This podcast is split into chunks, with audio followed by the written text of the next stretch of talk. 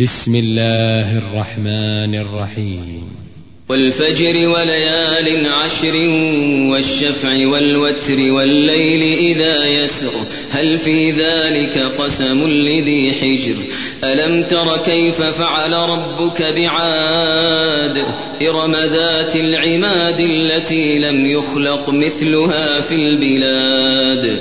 وثمود الذين جابوا الصخر بالواد. وفرعون ذي الأوتاد الذين طغوا في البلاد. الذين طغوا في البلاد فأكثروا فيها الفساد فصب عليهم ربك سوط عذاب. إن ربك لبالمرصاد. فأما الإنسان إذا ما ابتلاه ربه فأكرمه ونعمه فيقول فيقول ربي أكرمن.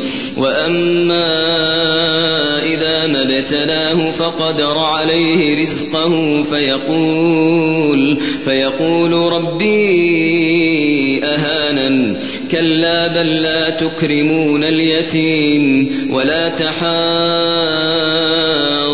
على طعام المسكين وتأكلون التراث أكلا لما وتحبون المال حبا جما كلا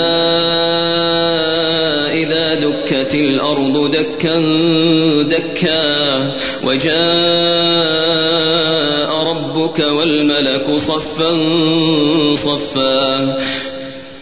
وجيء يومئذ بجهنم يومئذ يتذكر الإنسان وأنى له الذكرى. يقول يا ليتني قدمت لحياتي فيومئذ لا يعذب عذابه أحد ولا يوثق وثاقه أحد.